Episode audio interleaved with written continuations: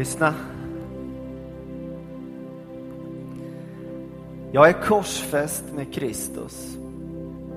Nu lever inte längre jag, utan det är Kristus som lever i mig. Och det liv jag nu lever i min kropp, det lever jag i tron på Guds son som har älskat mig och utgett sig för mig. Jag förkastar inte Guds nåd. Så skriver Paulus i Galaterbrevet.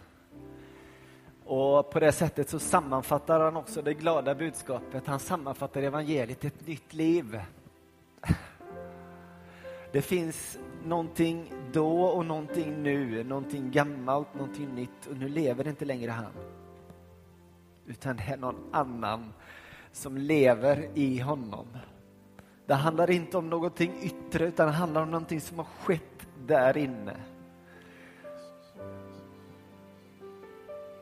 I sju söndagar nu så ska vi bara gå in i Galaterbrevet och jag är så taggad på det för jag tror att Gud kommer göra så mycket i våran församling genom att vi läser de här texterna som är slitstarka texter som kyrkan har läst i 2000 år och som har gjort underverk i gemenskapen. Och vi läser dem hemma i våra hus och vi hör på den när det predikas i kyrkan. Och jag vet att Gud kommer göra någonting bortom bokstäverna, kommer göra någonting i ande och liv här i kyrkan. Ska vi be tillsammans? Jesus, jag tackar dig för att du är den som förvandlar, som förnyar. Du är den som föder liv, du är den som är liv. Tack för att du finns bland oss, med oss här nu. Och tack för att vi kan, kan säga som Paulus när han sammanfattar evangeliet att nu lever inte längre jag, det är Jesus som lever i mig. Det är Jesus som lever i mig. Och så länge jag lever i den här kroppen så, så lever jag för att få göra din vilja.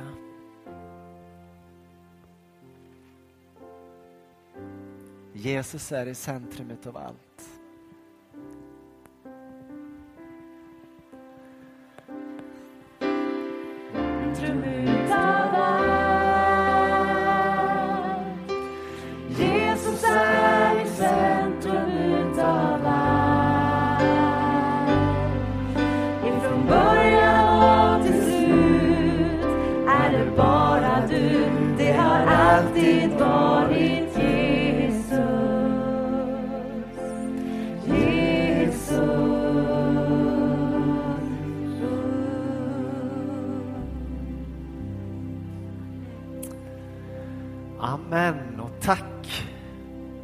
Älskade lovsångsteam. Har ni det bra? Fy vad dåliga ni är på att svara. Har ni det bra? Ja, visst, det är klart att ni har det. Ni är i ena kyrkan.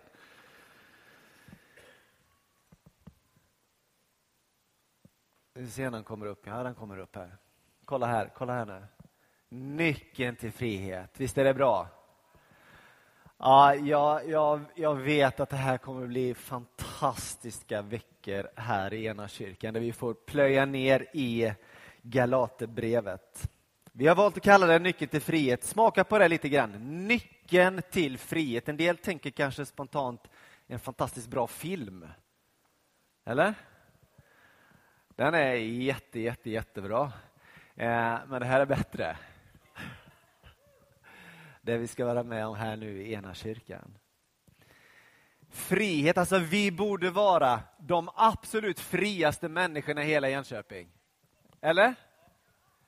För ni vet att den som sonen gör fri, han är verkligen fri. Där den helige ande är, där är frihet. Alltså, vi borde vara de friaste av de fria människorna som finns på den här jorden. Frihet är vårt ärende. Och det som skevar för mig lite ibland, Vi ska inte fastna där nu, men jag måste bara säga det. Det som skevar lite för mig ibland, det är när jag, när jag möter människor som någon gång har varit med i någon församling här i Sverige och som sen har tagit klivet ut ifrån den här församlingen så är det inte så sällan man har gett uttryck för att och jag känner mig så fri.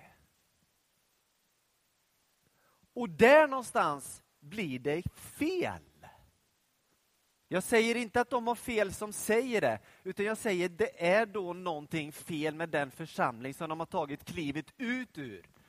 För vi är tänkta att vara de friaste av de fria människor. Och någonting av detta upplever jag att Paulus är på gång att angripa i Galaterbrevet.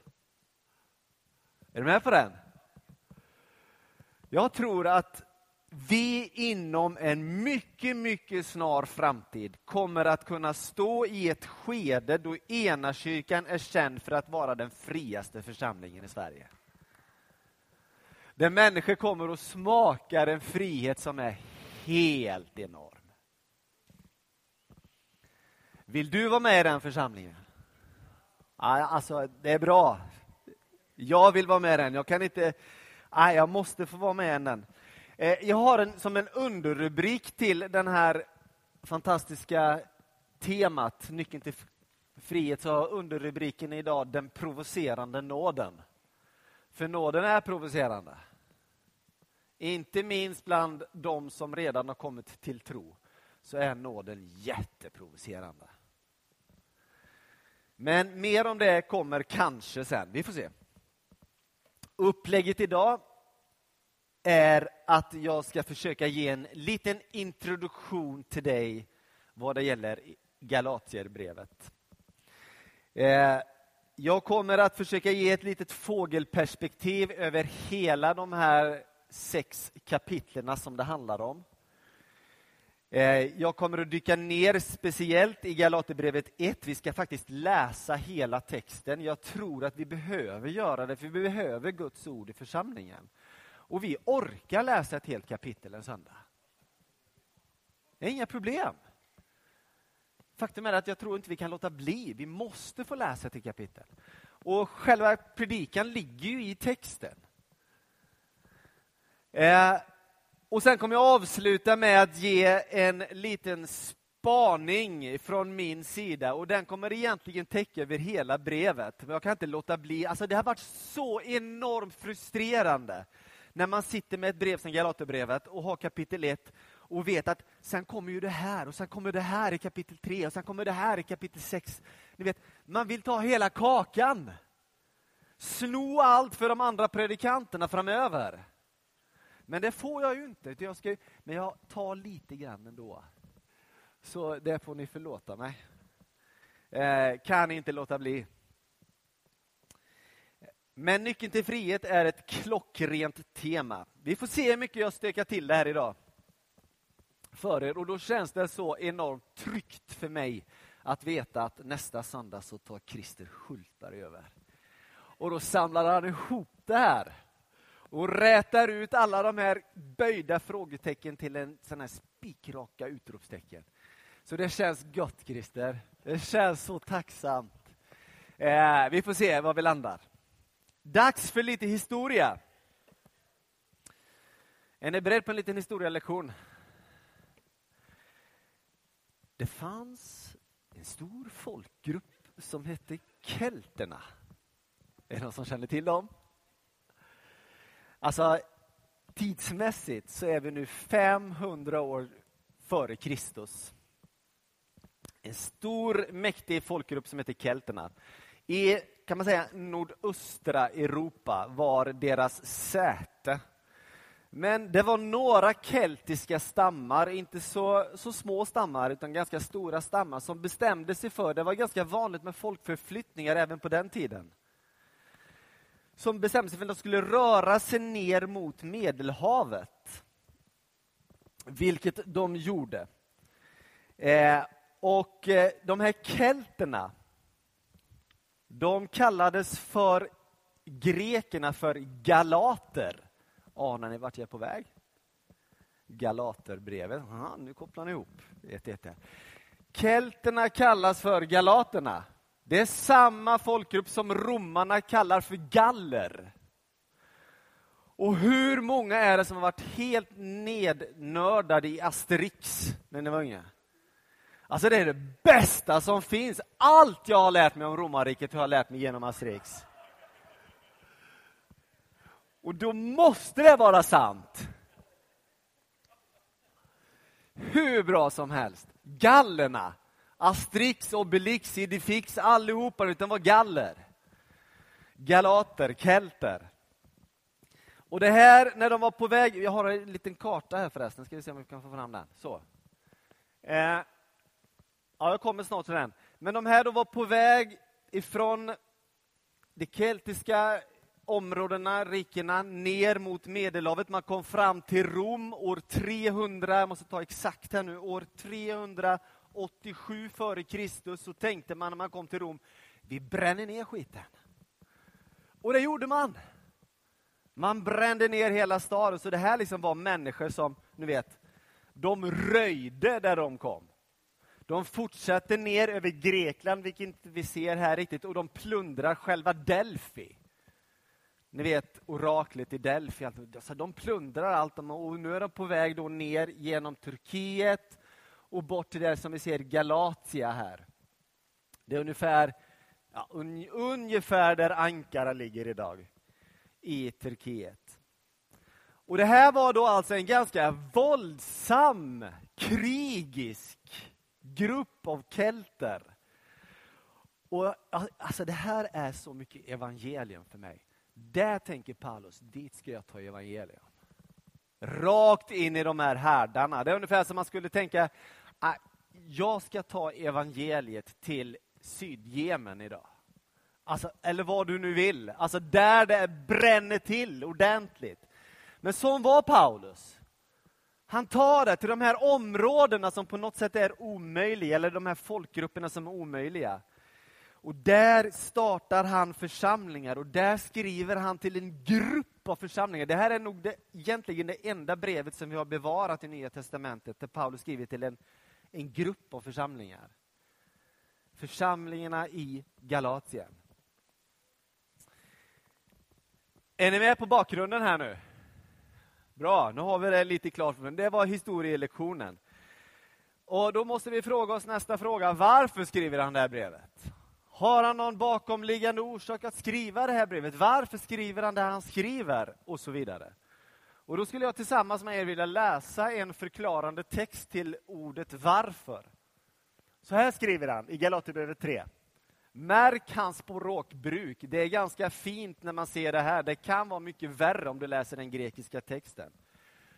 Dåraktiga galater. Galningar, skulle man också kunna säga. Vem har förhäxat er?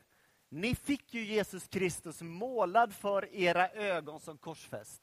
En enda sak vill jag veta från er. Fick ni anden genom laggärningar eller genom att lyssna i tro? Är ni så dåraktiga? Ni som började i anden, ska ni nu sluta i köttet? Ett härligt ärende för ett brev, eller hur? Men han, det brinner till hos Paulus. Det brinner till för att i dessa församlingar som han har fått vara med och grunda, församlingar som har kommit till tro på Jesus Kristus, fått ta emot den helige Ande, en, en process har börjat i deras liv där de, där de bara älskar Jesus och vill bli mer och mer lika honom. Så har det smugit sig in folk som säger, att ni måste göra det här också för att vara riktiga kristna. Det är jättebra att ni har Jesus, men det här också. Och i det här avseendet var det judekristna människor som hade kommit och sa, men ni måste ha omskärelsen också, skär bort en bit av förhuden. Alltså det var människor som kom till dessa som var i tro på Jesus Kristus med ett tillägg. Den är du med på va? De hade tron på Jesus, men så kom det sådana som sa, men ni måste ha det här också.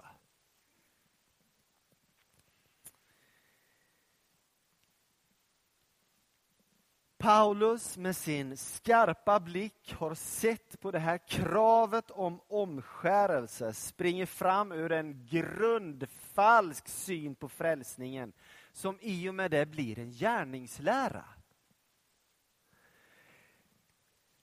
Det kan tyckas som att det är irrelevant för oss att läsa sådana här texter som Galaterbrevet idag. Jag menar, hur många av oss är det som håller på och trycker på omskärelse idag? Ja, det är väl inga här inne i varje fall. Utan vi har ju kommit förbi det han skriver om. Men det finns något som kommer tillbaka om och om och om igen. En gärningslära in i det kristna folkets frihet.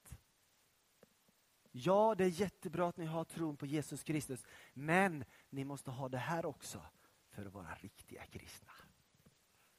En gärningslära som smyger sig in. Så på det sättet så är det här brevet helt fantastiskt. Han inser, Paulus, att kommer det här att smyga sig in, vad är det som händer då? Jo, vi sätter evangeliet ur kraft.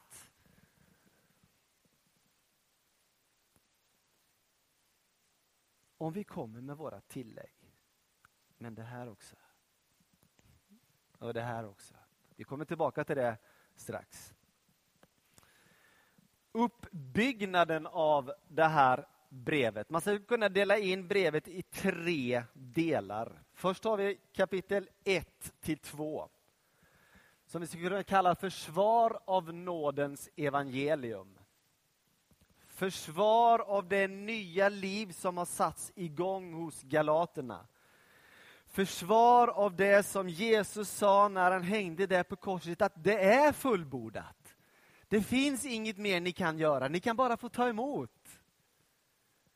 Och för att spika fast det här försvaret så är Paulus så noga med att säga att det är faktiskt jag som har auktoritet att berätta det här för er. Det är jag som är apostel. Kristus har uppenbarat, alltså gång på gång på gång slår han fast sin identitet som, som lärare, som apostel. Antagligen hade smugit sig in en massa misstro mot honom hos, i Galaterna. Men han slår fast det för att det här får inte rinna iväg, det får inte landa i en massa tillägg, det måste bara få vara, handla om det här. Det Jesus har gjort för mig. Jesus alena. Korset alena. Kom inte med några till. Låt allt det andra vara.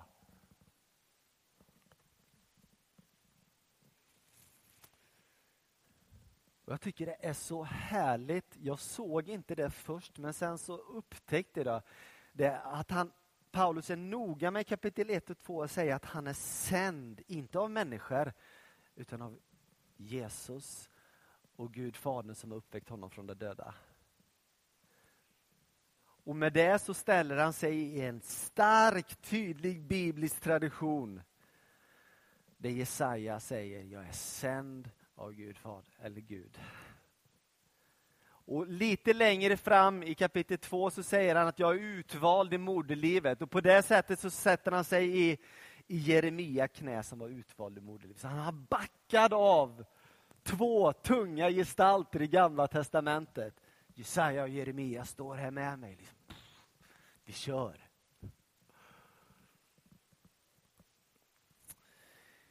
Eh. 3 till 4, kapitel 3 till 4, Galaterbrevet 3 till 4 handlar om ett teologiskt och exegetisk förklaring och förankring av nådens evangelium. Alltså att han använder bibeltexter, alltså gammaltestamentliga texter för att visa på vad nåden handlar om. Och han trycker teologiskt. Här har du själva teologibiten i Galaterbrevet. Kapitel 3 till 4. Kapitel 1 till 2 så handlar det om, om ett försvar och han berättar om sin identitet. Sen kommer den teologiska förankringen. Och sen den sista delen, kapitel 5-6, så börjar, börjar han visa på vad det här betyder för oss här och nu. Alltså nådens funktion, vad nåden gör med oss, vad det här för med sig in i vår gemenskap och i vårt liv som, som kristna.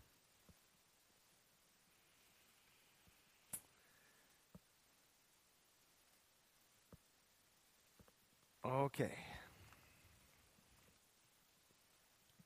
En sak som, som har legat hos mig Eh, under den här veckan, då, eller de här senaste två veckorna då jag har levt med hela Galaterbrevet på ett, på ett väldigt intensivt och intimt sätt så har det blivit tydligt för mig att det handlar väldigt lite om rätt och fel. Det som du och jag ofta hamnar i. Ni vet vad som är rätt och vad som är fel. Och inte sällan så hamnar vi också i den, i den diskussionen i ett dömande. Det är rätt, det är fel, det är rätt, det är fel. Och, och så hamnar vi i någonting som gör att vi river och sliter i varandra och till slut så orkar vi inte längre.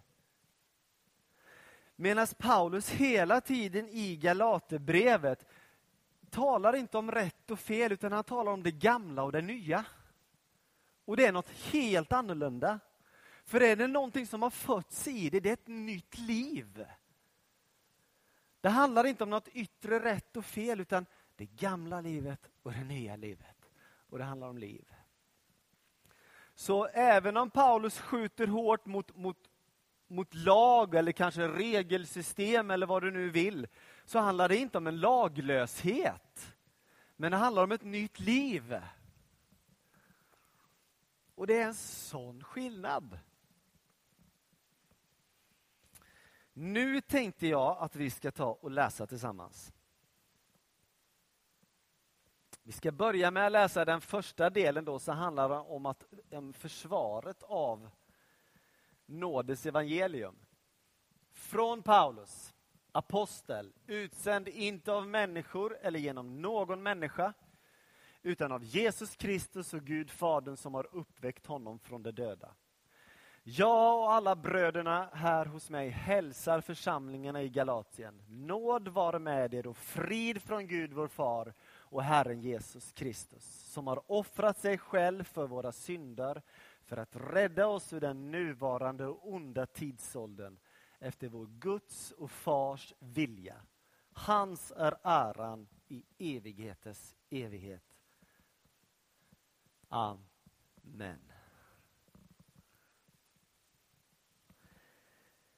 Precis som alla brev Paulus skriver så börjar han med en hälsning och det är ju trevligt. Eller hur? Från Paulus. En hälsning från Paulus. Och sen är det jag tycker det här är så coolt. Jag är apostel. här är det som de kommer direkt.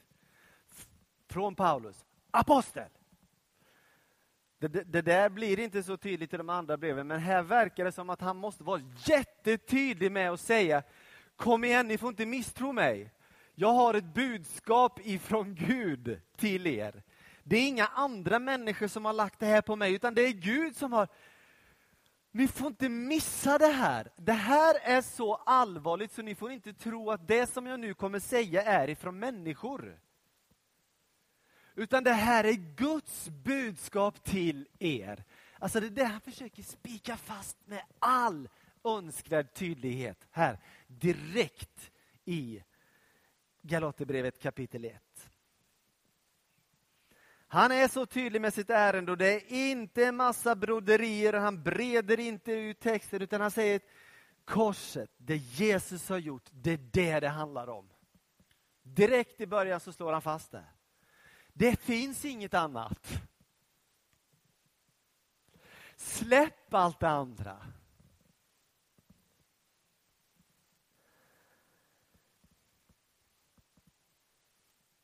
Jag kan bara känna för min egen del. Att ju längre jag har levt mitt liv som troende och som efterföljare till Jesus så känner jag mer och mer Jesus, jag vill bara ha dig. Eh, jag vill bara ha dig. Och min längtan och mitt driv är på riktigt att få bli mer lik dig. Allt annat kan kvitta det är det jag längtar efter. Eh, jag ska erkänna för er, jag har varit otrogen. På bussen hit till Enköping varje morgon så lyssnar jag på podd från en annan församling. Jag lyssnar på Enakyrkans poddar också, men, men jag har en lite fnurr en liten förälskelse med en annan församling som heter Ryttargårdskyrkan i Linköping. Eh, det är en EFK-församling så det är väl lugnt. Eh, så. Jag lyssnar gärna på predikningarna därifrån. Det finns en kille där som heter Fredrik Lignell och det finns också en Hultberg där, vilket är skönt. Eh, att vi kan ha Hultberg överallt. Eva-Marie Hultberg är en, en svägerska till Christer. Fantastiska predikningar. Jag lyssnade på en predikan av Fredrik här nu i, i veckan som passar så in i just det här. Han predikade om, om Mose och hur Mose Ja, ni vet ju, om vi spolar tillbaka bandet lite, ni vet ju Israels folk som var slavar och som var förtryckta i landet Egypten och hur Gud genom Mose använder Mose för att föra det här folket ut till frihet, med tanke på frihet, nyckeln till frihet. Gud vill föra oss till frihet.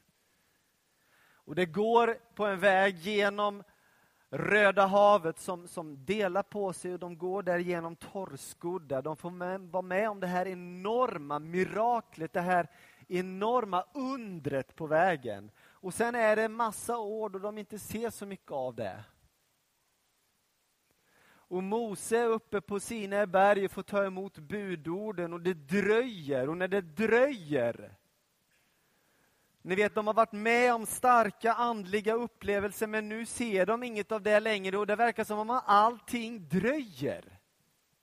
Vad gör de då? Jo, de gör sig en kalv av guld och så tillber de den.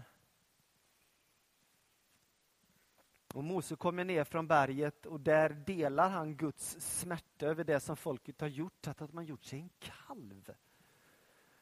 Att de så tidigt släpper släpper det som, som är deras liv. Så han bor i ett tält utanför campingen, utanför gemenskapen.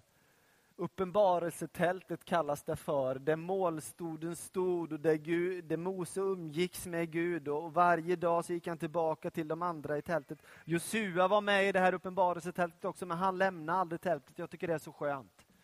Alltså Josua hade ett sånt hjärta så han vägrade lämna uppenbarelsetältet. Ja, kom, jag vill vara här inför dig. Och ni vet vad han fick vara med om sen. Men han hade varit med Gud.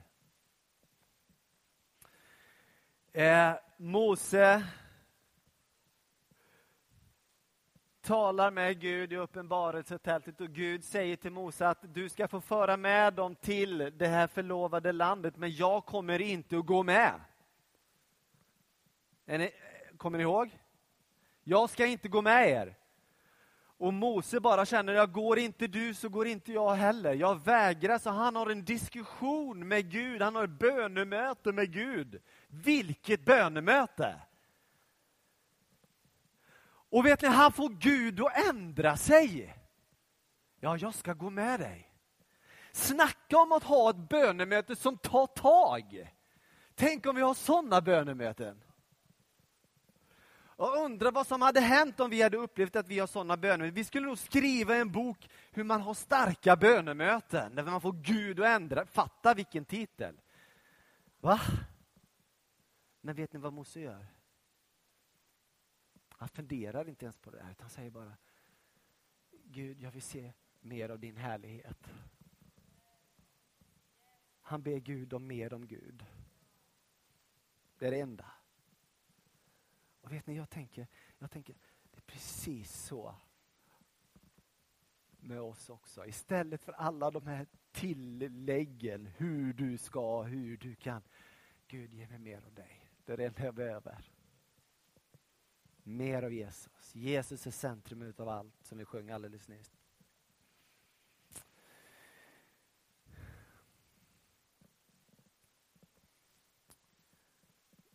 Nu ska vi läsa, jag fick dela upp den här texten på två sidor, men vi börjar här.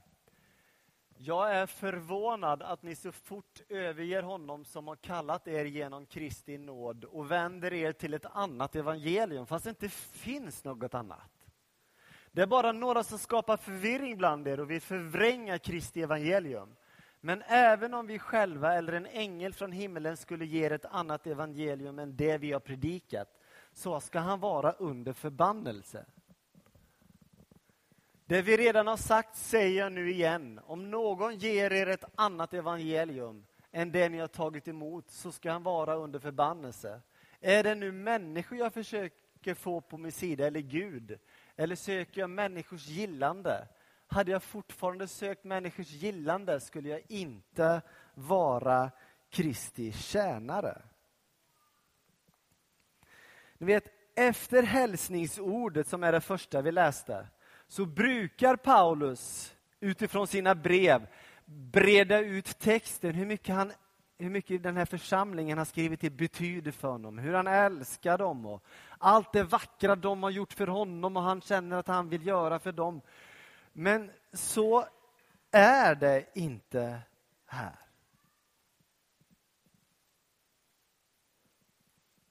Utan han börjar direkt med att fullständigt explodera Paulus. Han är galen. Hur ska ni som började så bra? Ska ni... Alltså han är, ni förstår, fullständigt upprörd över det som de håller på att gå igenom. Så här skriver han lite längre fram. Ni har kommit bort från Kristus, ni som försöker bli rättfärdiga genom lagen. Ni har fallit ur nåden. Alltså när man kommer med de där tilläggen. Ni kommer falla ur nåden. Och vi kommer snart att komma till det där med tillägg. Så håll kvar lite grann till. En liten undring bara så här. Är det så farligt med lite omskärelse? Har det någon betydelse? Jag menar, vi har ju Jesus Kristus, vi tror på honom, vi älskar Jesus. Spelar det någon roll om vi tar det här också? Är det så farligt? Ja, men det är som Paulus, allt inom Paulus växt, för han vet att när vi börjar komma med de här små tilläggen, Jesus Kristus och det här också, så är vi så farligt ute och snart har lite surdeg surat hela degen.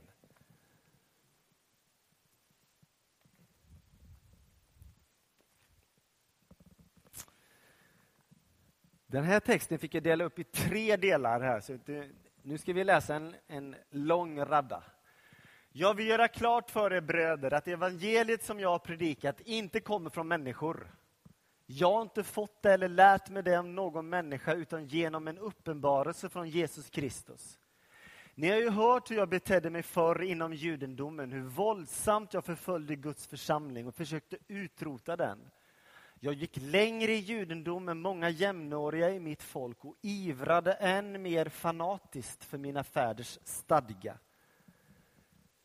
Men han som utvalde mig redan i moderlivet och som kallade mig genom sin nåd beslöt att uppenbara sin son i mig för att jag skulle förkunna evangeliet om honom bland hedningarna.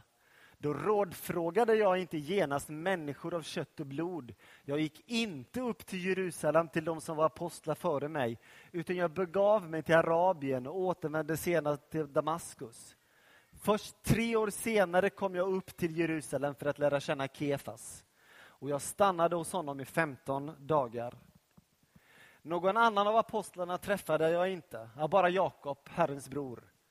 Detta skriver jag till er inför Gud, jag ljuger inte. Sedan reste jag iväg till Syriens och Kilikiens område. Personligen var jag okänd för Kristi församlingar i Judeen. Det hade bara hört sägas, han som förr förföljde oss förkunnar nu den tro han tidigare vill utrota. Och de prisade Gud för min skull. Jag älskar den här delen av Paulus text i Galaterbrevet. Den visar på vilken kraft det är i Guds nåd. Och han använder sig själv. Jag tycker det är så underbart. Han använder sig själv för att visa hur kraftfull den här nåden är. Han använder sig själv för att visa att det handlar inte om vad du har gjort bak i din historia. Kolla vad Paulus har gjort. Gud utväljer honom av nåd.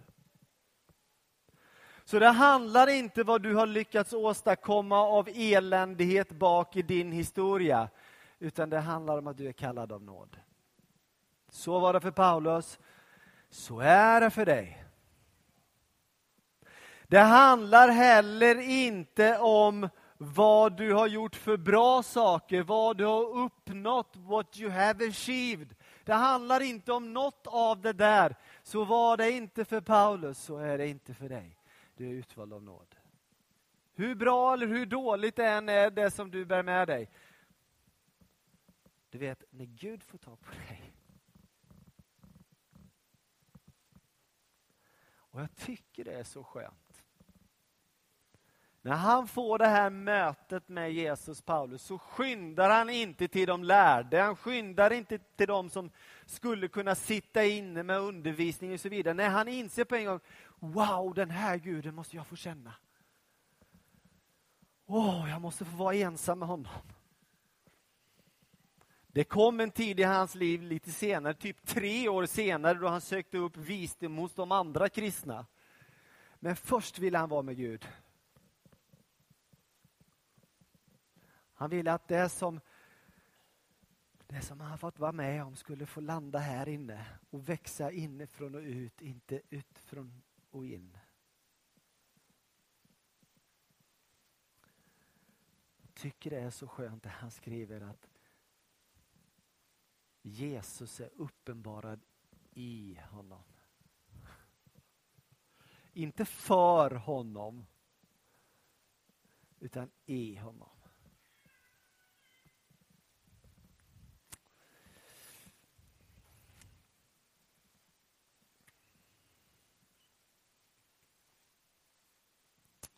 Min spaning då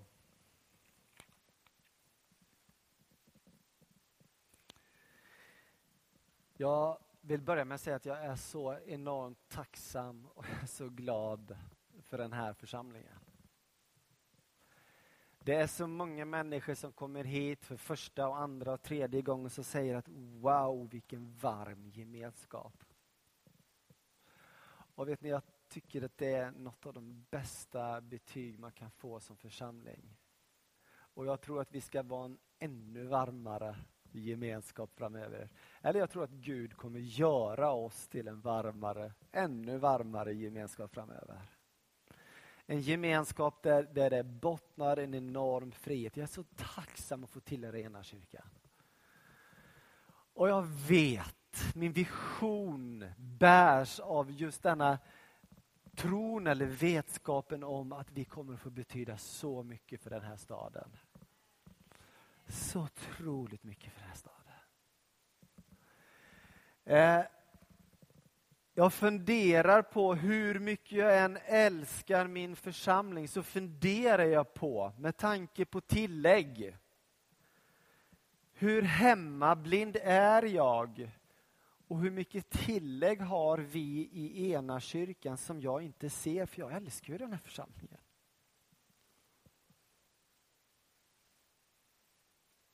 Är ni med hur jag tänker? Eh.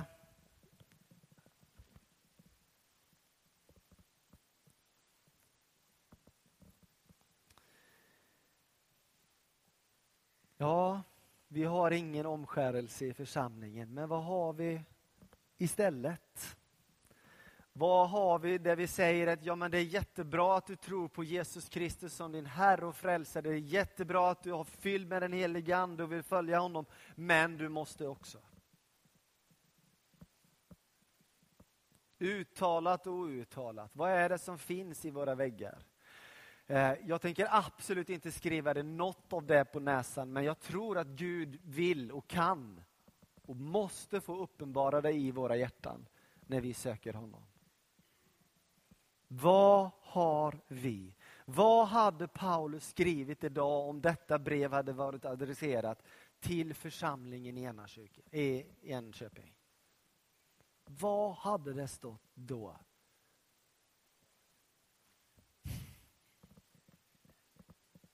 Med tanke på det som fick Paulus att gå igång. Jag lyssnade till en, en undersökning. Det var någon som, som berättade om en, en undersökning som gjorts i USA för typ fem år sedan. En stor undersökning som kallas heter Barna-undersökningen. Det var i varenda delstat i hela USA. Där man ställde frågor till unga människor som inte var personligt frälsta, som inte trodde på Gud på det sättet. Och de fick en fråga som de skulle svara på. Det här var över hela USA och det är då tusen efter tusen efter tusen unga människor som har svarat på den frågan. Och jag tror att det som de ger svar på där borta i landet i väster stämmer ganska bra också överens på om vi skulle göra samma sak här i Sverige. Det som de svarade, första punkten man svarar på den här frågan är, eller den frågan är så här. Vad är det första du tänker på när du hör ordet kristen? Vad ser du framför dig när du ser en kristen person? Vet ni vad det första är de svarar? Anti-gay. Den andra frågan de lyfter upp, det är, eller det andra svaret de kommer på, där de talar om människor, unga människor i USA som inte tror, men som har någonting att säga för de har mött kristna, det är anti-abort. Den andra, eller den tredje punkten var hyckleri. Den fjärde punkten var dömande. Och jag ska säga att listan blev inte bättre. Och någonstans så tänker jag, är det den bilden vi ser av Jesus i evangelierna? En massa anti. Och jag vill inte gå in i en diskussion om rätt och fel här. Utan jag vill bara lyfta detta, vad är det människor ser när man tänker en kristen?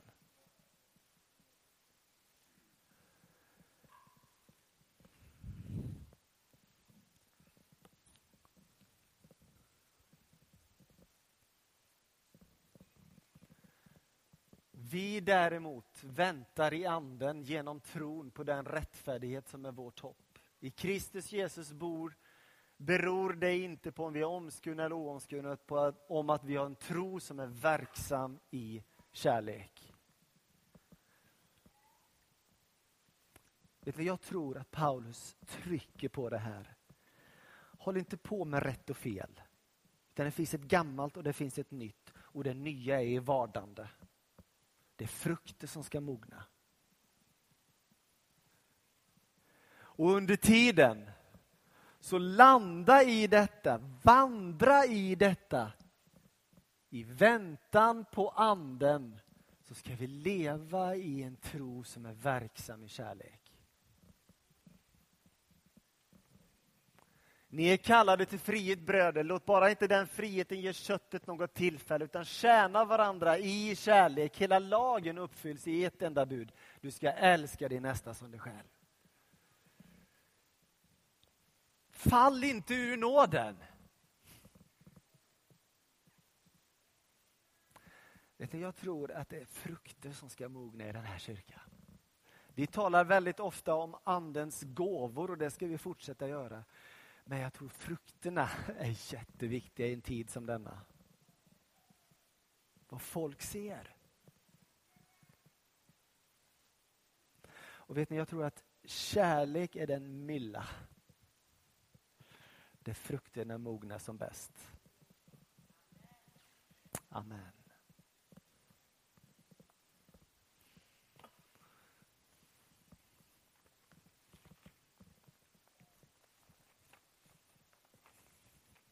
Det blev ett